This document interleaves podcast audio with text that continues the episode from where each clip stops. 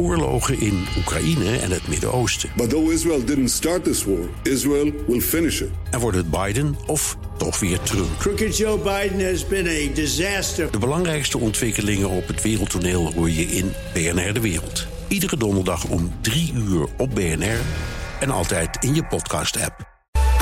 BNR Werkverkenners wordt mede mogelijk gemaakt door BrainNet. BrainNet voor zorgeloos en professioneel personeel inhuren. Nieuwsradio. BNR Werkverkenners. Het is nu echt zover. Heel Nederland moet eraan geloven. Iedereen is weer aan het werk. Of je nou wil of niet, we zullen allemaal weer naar die werkvloer toe moeten gaan. Om het leed een beetje te verlichten, zou je kunnen denken: kun je daar wat humor voor gebruiken? En daarom is het thema van deze uitzending inderdaad humor, grappen maken. Is humor belangrijk op de werkvloer? Werkverkenners. Met Rens de Jong. Direct naar mijn eerste gast, en die spreek ik vanuit Spanje. Ja, Fons Trompenaars. En uh, heb mij na mijn economische studie uh, gespecialiseerd op het gebied van cultuur en management. Ja, Fons Trompenaars is een bekende management consultant op het gebied van cultuur. Uh, hoe is hij eigenlijk in dat vak terechtgekomen? Dat komt waarschijnlijk uit het feit dat ik een Franse moeder heb en een Nederlandse vader.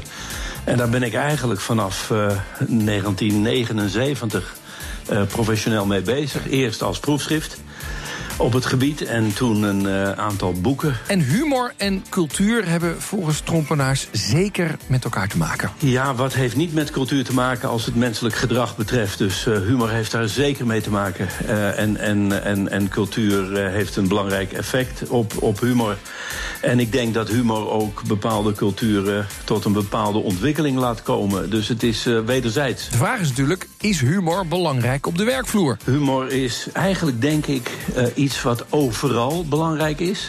Um, uh, en zeker ook op de werkvloer. Nou, mooi. Dan kunnen wij aan de slag met mijn onderzoek.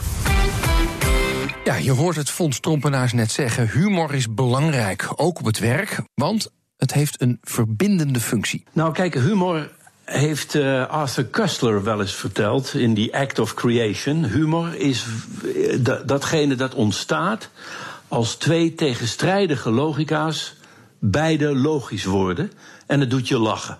Je moet maar eens aan een goede mop denken of een goed stuk humor. Dat zijn altijd twee logica's die opeens samenkomen en dat doet je lachen. Hè? Arthur Kustler zelf had, had daar voorbeelden van. Zoals uh, uh, er waren vier gevangenen die zaten te kaarten. En één speelde vals, die hebben ze de gevangenis uitgegooid. En, en, dat heet. ja, het kan ook flauw zijn. Maar, ja, maar ik, ik, snap ik vind hem, wel, ja. ik vind hem wel goed, omdat het uh, een, een, onderwerp is dat. Uh, uh, ook duidelijk aangeeft dat het tegengestelde logica zijn. Nou, ja. dit is één manier. En waar zorgt het dan voor? Op zo'n, waar is het goed voor? Nou, kijk, ik denk dat als jij tegengestelde logica's beide waardeert dat je wat uh, evenwichtiger in het leven staat. Uh, bijvoorbeeld Stalin en Hitler hadden weinig humor, want er was eigenlijk maar één logica. En dat was die van hen. Uh, en die konden dus ook diversiteit helemaal niet dulden. En je, en je ziet ook dat, dat humor een, een rol speelt in het effectief omgaan met verschillen. En, en daarom is het zo belangrijk, ook voor een leider van die werkvloer om uh, humor te bezigen. Zometeen hoor je meer over leiderschap en humor. Maar eerst naar mijn volgende gast. Mijn naam is uh, Doosje. Ik uh, ben gepromoveerd op humor. En dat deed hij als docent klinische psychologie aan de Universiteit van Utrecht. En daarnaast heeft hij nog een bedrijf, Humor Lab. Hij vertelt dat humor echt voor iedereen belangrijk is. Ik heb me wel eens afgevraagd of er mensen zijn die totaal serieus zijn. Ik geloof dat ik die nog niet ben tegengekomen. Er zit altijd wel ergens humor. Ja. Klopt het dat, zo'n mythe, dat de Duitsers geen humor hebben? Dat klopt niet? Nee, ik ken humoristische Duitsers, dus dat klopt sowieso al niet. Maar nou, zeker in de universitaire wereld zijn ze wel heel erg serieus bezig, zeg maar. Dus, dus, dus er zit wel wat in, maar het is ook een beetje een vooroordeel. Ja. Met name de jongeren. Er zit heel veel speelsheid in humor. Ja. Ja. Um, we praten over humor op de werkvloer. Hoe belangrijk is humor op de werkvloer? Als je je voorstelt dat het er niet is, dan kun je het belang wel, wel begrijpen. Dus dat betekent dat er geen relativering is. Dat betekent dat er niet gelachen wordt. Uh, het betekent ook dat mensen, uh, dat mensen eigenlijk continu serieus bezig zijn. Mhm. ik, ik moet eerlijk zeggen, ik kan me dat niet voorstellen. Het is niet prettig om mee te werken, zeg maar. De, het- Nee. de, de, lol van het werken gaat eraf. Ja. Ik kan me toch wel heel wat organisaties voorstellen waar het maar weinig aanwezig is. Ja, maar ik weet niet of dat een vooroordeel is eigenlijk. Ja. Want, ik, want ik denk namelijk dat het wel heb. Ik heb net nog even zitten kijken naar debiteuren, crediteuren. Hè. Dus het, dat speelt dan op een boekhouding. Dat is een hele saaie afdeling eigenlijk. Eh, en natuurlijk is dat allemaal overdreven. Maar ik denk bij de Belastingdienst bijvoorbeeld... dat er eigenlijk heel veel gelachen wordt. Ik heb ook wel eens... eh, een student van mij heeft wel eens onderzoek gedaan... bij begrafenisondernemers. Daar wordt ook heel veel gelachen, maar niet tijdens de dienst. Dus die mensen hebben met elkaar ook heel veel lol... om het werk te relativeren. Dus ik denk dat er eigenlijk... Je ziet het niet altijd... maar ik denk dat er heel veel lol in organisaties zit. Want de belangrijkste functie van humor op het werk is het werk te relativeren. Leg eens uit.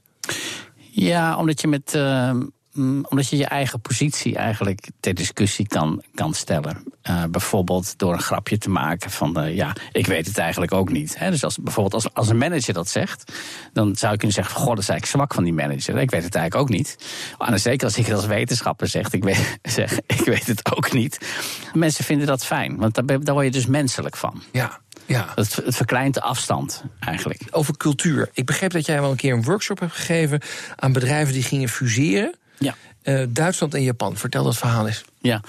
Ehm, er waren twee bedrijven die verkochten allebei computers. En de ene bedrijf kwam, het waren allemaal Nederlanders, dat wel. Maar het ene bedrijf was, kwam van origine uit Japan, het andere uit, uit Duitsland. En ik heb die mensen gevraagd of ze eens wilden vertellen wat voor grappen er over het andere bedrijf werden gemaakt. Dat deden ze natuurlijk alleen onderling. Maar die bedrijven gingen fuseren. Dus het leek mij wel, wel ha- handig als ze dat van elkaar eh, zouden eh, weten. Het Duitse bedrijf maakte behalve computers ook eh, wasmachines. Dus die Japanners hadden het dan over. oh ja, die lui wasmachines. Weet je, die kunnen dus helemaal geen computers maken. Dat was eigenlijk de implicatie. Nou, zulke soort dingen.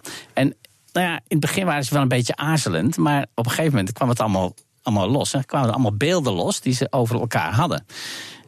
Ja, ik weet niet hoe het met die fusie is afgelopen. Want het was in de beginfase. Maar waarom deed je dat? Waarom zei je, ga, maar grappen, ga de grappen over elkaar maar vertellen? Omdat dan die beelden duidelijk worden die de andere partij heeft. En je daardoor meer begrip krijgt. Ja, ja. Dus eigenlijk zorgt humor ervoor dat je verschillen uitvergroot. En daardoor creëer je dus wederzijds begrip op de werkvloer. En uiteindelijk ga je daar weer prettiger van werken. Maar eh, humor is goed voor meer dingen. En daarvoor ga ik naar een TED-talk van deze man. After I delivered my presentation, I went up and talked with each of the people, and one of the associate directors pulled me aside and he was like, You know, you're pretty good at PowerPoint. I said, I like to think that I excel at it. he was like, Was that a Microsoft Office pun? I replied, Word. Two days later, I found out I got the job. Dit is een Amerikaanse humorbedrijfscoach. Ja, dat bestaat. Eh, Andrew Tarvin, die hier trouwens vertelt hoe hij zijn eerste baan voor elkaar kreeg. Maar volgens hem halen medewerkers met humor meer succes. Most people think that humor and work are at the opposite ends of the spectrum. But in reality, you need to bring both of them together in order to actually try to take over the world. Because people who use humor at work are more productive, less stressed, paid more, and happier. Ja, je wordt er productiever, minder gestrest en gelukkig van. Met een hoger salaris. En dat komt allemaal uit bekende onderzoeken, gepubliceerd onder andere in de Harvard Business Review. Hij vertelt verder over zijn eerste baan als projectmanager. I was a project manager, so I got to name my projects whatever I wanted. So instead of the standard retail sales 2.0, I named them things like project optimization. I also taught improv to all of my team members so that they can improve their leadership skills and start to brainstorm and think faster on their feet. And whenever someone new would join my team, I'd have them fill out a personality assessment like Myers Briggs, or more importantly, which Star Wars character are you? Hij bedacht zijn eigen opvallende projectnaam en gaf zijn team improvisatielessen om sneller en creatiever te denken. En dat werkte voor het personeel. But after one of my weekly status meetings, one of my coworkers came up to me. It was Sarah, aka Ewok. and Sarah was like, Drew, I just want to thank you. I had no idea what she was talking about, so of course I said, It's about time. Why are you thanking me? And she said, It's because of this project. It's been fun. Before I joined Project Optimization, I was thinking about quitting because I was so stressed out. But then I joined your team, and it was different because we had fun. Sarah, like so many other people, never thought she could use humor at work. I always assumed that I could. Dan nog even terug naar Fons Stompenaars van het begin van deze uitzending. Hij zegt dat humor ook noodzakelijk is voor goede leiders binnen bedrijven. En, en laat, laat ik mijn definitie van leiderschap geven. In ieder geval een, een karakteristiek van een goede leider. Een leider onderscheidt een probleem van een dilemma. Een goed leider zegt: wat kunnen wij lokaal doen om de organisatie globaler te maken? het dilemma tussen teamwork en individuele vrijheid. Als je die individuele vrijheid inzet om een beter team te krijgen, dan ben je een goede leider. Wat heeft dat te maken met humor? Humor is een manier om die tegenstellingen, die dilemma's, bij elkaar te, te krijgen. Dus essentieel voor, voor een goed leider is goede humor. En met goede humor bedoel ik dat hij op een impliciete manier laat zien dat uh, er tegenstellingen zijn die je bij elkaar kunt uh, krijgen. En, en ik denk, leiderschap tegenwoordig is het omgaan met verschillende disciplines, met verschillende geslachten, als ik even man-vrouw in die categorie kan zetten, uh, omgaan met verschillende nationaliteiten, et cetera. Een goed leider zal zeggen: Goh, hoe kunnen we hier bovenuit stijgen? En een manier om dat te doen is om goede humor te gebruiken. Ja. Zometeen gaat mijn onderzoek verder en hoor je wanneer humor te ver gaat. Niet doen, zou ik zeggen. Niet doen en ook niet toestaan. Tot zo. BNR Nieuwsradio. BNR Werkverkenners. Vandaag zoek ik uit hoe belangrijk humor op de werkvloer is. Mijn naam is Rens de Jong, leuk dat je luistert. In mijn onderzoek word ik geholpen door Siebe Doosje van de Universiteit van Utrecht... die gespecialiseerd is in humor... en door managementconsultant Fons Stompenaars. Hij denkt dat humor ook zeker te ver kan gaan op de werkvloer. Ja, ik denk dat humor ook te ver kan gaan... maar dan zou ik het geen humor noemen. Nee, nee Echt goede humor kan nooit te ver gaan. Nee, oké, maar wat, uh, daar zaten wij uh, over te praten toen we deze uitzending voorbereiden. Uh, je zag, je ziet bij Uber zie je nu een heel uh, veel een seksistische cultuur is ontstaan. Ja. En, en ik dacht even terug aan. Uh, nou, ik werk ook alweer twintig jaar. En ja. toen, toen in het begin van mijn carrière weet ik ook wel dat ik echt. Nou ja, weet je, dat was een soort start-up. Uh, veel mannen. Daar werden grappen gemaakt waarvan ik denk, nou ja, ja, ik weet niet of we dat nu nog zouden doen. Maar het was wel heel goed ja.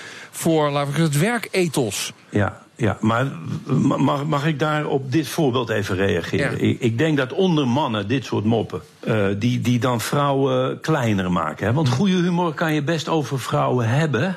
Uh, of, of vrouwen over mannen, hè, dat gaat beide kanten op. Mm -hmm. Zonder ze te, te kleineren. Dat, dat is één ding. Ja? En dat is dan wel goede humor. Ja. Het tweede is dat als jij onder mannen dit soort moppen maakt, waardoor je juist vrouwen uitsluit. He, want die ethos is goed, ja, onder mannen. Maar is die ethos ook goed om vrouwen erbij te hebben? En ik denk dat goede humor een brug kan slaan tussen mannen en vrouwen. Want ik denk dat vrouwen ook dezelfde moppen zouden maken, maar dat niet proberen te doen als uitsluiting van de man. En bij het ontstaan van een werkethos, neem een, een seksistische organisatie uh, als Uber, weet, weet ik veel, mm -hmm. maar goed, ik heb ook de kranten gelezen. Uh, uh, dat, dat je dan uh, wel een leuk werkethos hebt, dus dan kan het instrumenteel zijn, maar je wel andere groepen excludeert. Mm -hmm. En dat, dat zou jammer zijn, dat vind ik geen goede humor. Nee, maar kunt u zich voorstellen dat het erin sluit? Of zegt u nee, dit is altijd Tuurlijk. gewoon slecht management of, of, of, of slecht gedrag nee, van mannen? Nee. Nee, in tegendeel. Ik denk dat, dat, dat als het goede humor is. En, en het dus bruggen slaat tussen die verschillende uh, logica's. Dat dat uitstekend kan werken. Maar als het dus humor is die de ene groep afzet tegen de andere, zodat je een, in de ene groep een hogere werkethos hebt ten koste van de andere werkgroep. Mm -hmm. Niet doen, zou ik zeggen. Nee. Niet doen en ook niet toestaan. Maar en als je merkt dat er foute humor in jouw organisatie komt. Je knalhard er tegen, echt knalhard er tegenin gaan. Humor, ja. Maar dat is een humorpolitie. ja, en een goede leider doet dat heel impliciet. Die zegt: nee, dit kan niet. En je weet precies als goed leider wanneer iets wel en iets niet kan. En ja. ik, ik noem dat eigenlijk ja, geen goede humor bestaat niet. Het is gewoon geen humor. Nee. En je, je ruikt dat, je proeft dat. En daar hoef je geen politie voor te zijn. Maar je kan wel mensen even rechtzetten en zeggen: nee, dat doen we hier niet. Dan naar Siebe Doosje. Hij zegt dat je als bedrijf vooral voorzichtig moet zijn met humor in de publieke sfeer. als je daar grappen gaat maken, dan moet je toch wel uitkijken. Mhm. Kijk, humor is een kwestie van lef hebben. Eh, je moet het durven. eh, want je, en je weet niet of er om gelachen wordt. Dat is natuurlijk al de grootste factor. Eh, maar als je grappen gaat maken in het openbaar, op de sociale media of bij een persconferentie of wat ook, moet je toch wel heel erg uit gaan kijken. En zijn we daar ons meer bewust van? Nou ja, ik denk dat er, omdat we zoveel media-aandacht over ons heen krijgen, denk ik dat we ons er bewuster van worden. Ja. Want, want, want ik heb het gevoel. Eh, wij zaten te kijken naar Amerika. En daar heb je het gevoel dat er steeds sneller toch wordt afgerekend op een grap die fout valt. Of eh, je, je hebt al zo een, eh, een lawsuit aan je broek. Of is dat eigenlijk ook iets wat, wat door de tijden heen al hetzelfde is geweest? Ja, vind moeilijk te beoordelen, maar het is in het publieke domein wordt, wordt, worden mensen wel sneller afgestraft. En terwijl ze, ze, ze kunnen natuurlijk zeggen van ja, het is maar een grapje, maar daar kom je niet mee weg in Nee. het publieke domein. Nee. Nee. Is dat erg? Nee, ik denk dat je ook een verantwoordelijkheid hebt. Ik denk bijvoorbeeld een CEO hè, eh, in Amerika heeft een bepaalde verantwoordelijkheid. Die is een rolmodel. Ja. Ik heb nog een voorbeeld Ja. van Gerrit Salm. Hè, want die is nou eh, formateur. En die, en die eh, gaat dan nu een nieuw kabinet eh, formeren. Die man heeft heel veel gevoel voor humor. En, dus, eh, en ik kan me herinneren dat op een gegeven moment een foto in de krant eh, eh, verscheen van hem met Dirk Scheringa. En dan zie je dus die directiekamer en dan zie je hem keihard lachen. En Dirk Scheringa ook. Er zat op de achtergrond staat een klok, dat weet ik nog heel goed. En dat is eigenlijk het nieuws ingegaan als die twee hebben lekker heel veel geld verdiend en daar zitten ze om te lachen. Maar dat was een hele andere reden waarom ze lachten. Dus, dus, eh, dus, Weet jij de reden waarom ze lachten? Ehm, nou, Gerrit Salm had een grap verteld. En daar moesten ze samen heel hard om lachen. Dus, maar die foto, die krijgt dan in een bepaalde context... krijgt hij toch wel een negatieve lading. En ik vind ik denk dat Gerrit Salm dat niet leuk heeft gevonden. Nee. Dat, dat, dat gaat dan een eigen leven leiden. Ja. Dat is wel zuur, vind ik, voor iemand. Want het is een hele humoristische man. Eh, hij is natuurlijk ook beroemd geworden dat, eh, eh, toen hij dat cabaret deed. voor ABN AMRO, dat hij als zijn zus, geloof ik, eh, opkwam. Dus ik heb met een schuin oog gekeken naar mijn broer Gerrit. Die werkt namelijk al lang niet meer. In plaats van te werken, geeft hij leiding. En hij verdient nog meer dan degene die het echte werk doen. En dat is slim. In feite denk ik dat het je heel veel krediet geeft als manager. Eén, je hebt het lef om het te doen. En twee, je laat zien dat er ook kritiek mogelijk is op je beleid. Sterker nog, je verwoordt die kritiek zelf. Hij wist dat waarschijnlijk ook. Dat betekent ook dat hij laat zien dat hij goed geluisterd heeft. Dus ik, ik denk dat het alleen maar sterk is. Ja, het kan dus heel sterk zijn als je als CEO humor inzet. En daarom spreek ik met zo iemand. Hij staat in zijn bedrijf bekend om humor. Met Bas van der Veld. Hij is de CEO van Avas en vertelt waarom hij humor inzet tijdens het werk. Zodra je in een functie komt zoals eh, waar, ik, eh, waar ik in zit, is dat er eh, afstand ontstaat. En juist om die, om die afstand zo kort mogelijk te houden, proberen we humor in te zetten. Door jezelf niet altijd te serieus te nemen. En het voordeel daarvan is dat, dat je dus benaderbaar wordt. En dan niet alleen voor het personeel, maar ook in de communicatie van het bedrijf naar buiten toe. Klanten naar, eh, naar onze website gaan, avas.nl, dan is daar een onderdeel Vraag het Bas. Hè. Dan kun je een formulier invullen en dan kun je, kun je zeg maar, eh, eh, contact eh, opnemen met mij. En op dat formulier sta ik dan zelf met een eh, kettingzaag in mijn handen. En eh, het, eh, precies het effect wat je, wat je verwacht gebeurt dan ook. Dus in plaats van dat ik hele serieuze berichten krijg van geachte heer Van der Veld... be- beginnen dit soort, eh, dit soort eh, contactformulieren worden stevast ingevuld met hoi Bas. Ehm, dus je haalt een, stuk van de, van, de, van de opsmuk en de formaliteit haal je weg. En, en je, je zorgt in één keer dat er een, eh, een hartconnectie ontstaat. En wat nou als zo'n grap verkeerd valt? Wat vindt Bas daarvan? Ja, dat gebeurt wel eens. ja, dat is natuurlijk het nadeel, eh, maar dat neem ik op de koop toe. Dus juist doordat het sneller tot, tot de essentie komt... en doordat het sneller echt over, over een, een, een menselijke relatie van hart tot hart gaat... ehm, neem ik op de koop toe dat er een aantal tussen zullen zitten en zeggen... nou, die, eh, die gozer spoort niet helemaal, die, eh, die, eh, die slaan we even over. Binnen het bedrijf besteden ze onder andere aandacht aan humor tijdens hun maandelijkse cultuurcafés in het bedrijfstheater, waar de directie natuurlijk ook op de hak wordt genomen. Maar dat is niet alles. Een van de voorbeelden is dat wij eh, ieder jaar eh, onze medewerker van het jaarverkiezing hebben. En we hebben nu sinds uh, twee jaar dat we ook uh, uh, daar een soort candid camera in hebben. Eigenlijk een doet hij het of doet hij het niet. Dus we hebben op een aantal plekken in ons pand wat, wat camera's opgehangen. Onder andere op mijn kamer. En ehm, ja, ik nodig dan ehm, medewerkers uit die daar totaal van geen idee van hebben. En dan doe ik ze in één keer een heel raar voorstel. Van, hé, hey, zou jij niet in een, een, een, een clownspak op ons uitje de hele dag rond willen lopen? Nou, het is natuurlijk aardig om te zien dat uh, mensen al, al vrij snel zoiets hebben van... Uh, ja, maar joh, uh, ze willen natuurlijk gewoon absoluut nee zeggen. Maar er zit ook algemeen directeur tegenover ze. Dus je, je plaatst ze echt in een situatie die, die awkward is. En doordat we het ook nog eens een keer filmen... en later aan alle mensen laten zien, aan alle medewerkers laten zien... krijg je dus inderdaad de situatie dat... Nou, je neemt jezelf niet te serieus, neemt de ander niet te serieus... en je geeft daadwerkelijk die die kortste verbinding met elkaar. Humor als kortste verbinding tussen twee, uh, tussen twee mensen. Ja, dan vraag je je wel af, wat levert al die aandacht voor humor dan op? Dat lijkt me dus lastig om dat in cijfers uit te drukken. Nou ja, dat is ook heel lastig in cijfers te vatten. Ik kan je natuurlijk wel uh, laten zien dat onze cijfers ja, behoorlijk extreem goed zijn. Maar het is niet doordat we daarop aan het focussen zijn. Helemaal niet. Wij zeggen altijd, we focussen ons op maximaal op de, op de medewerkers.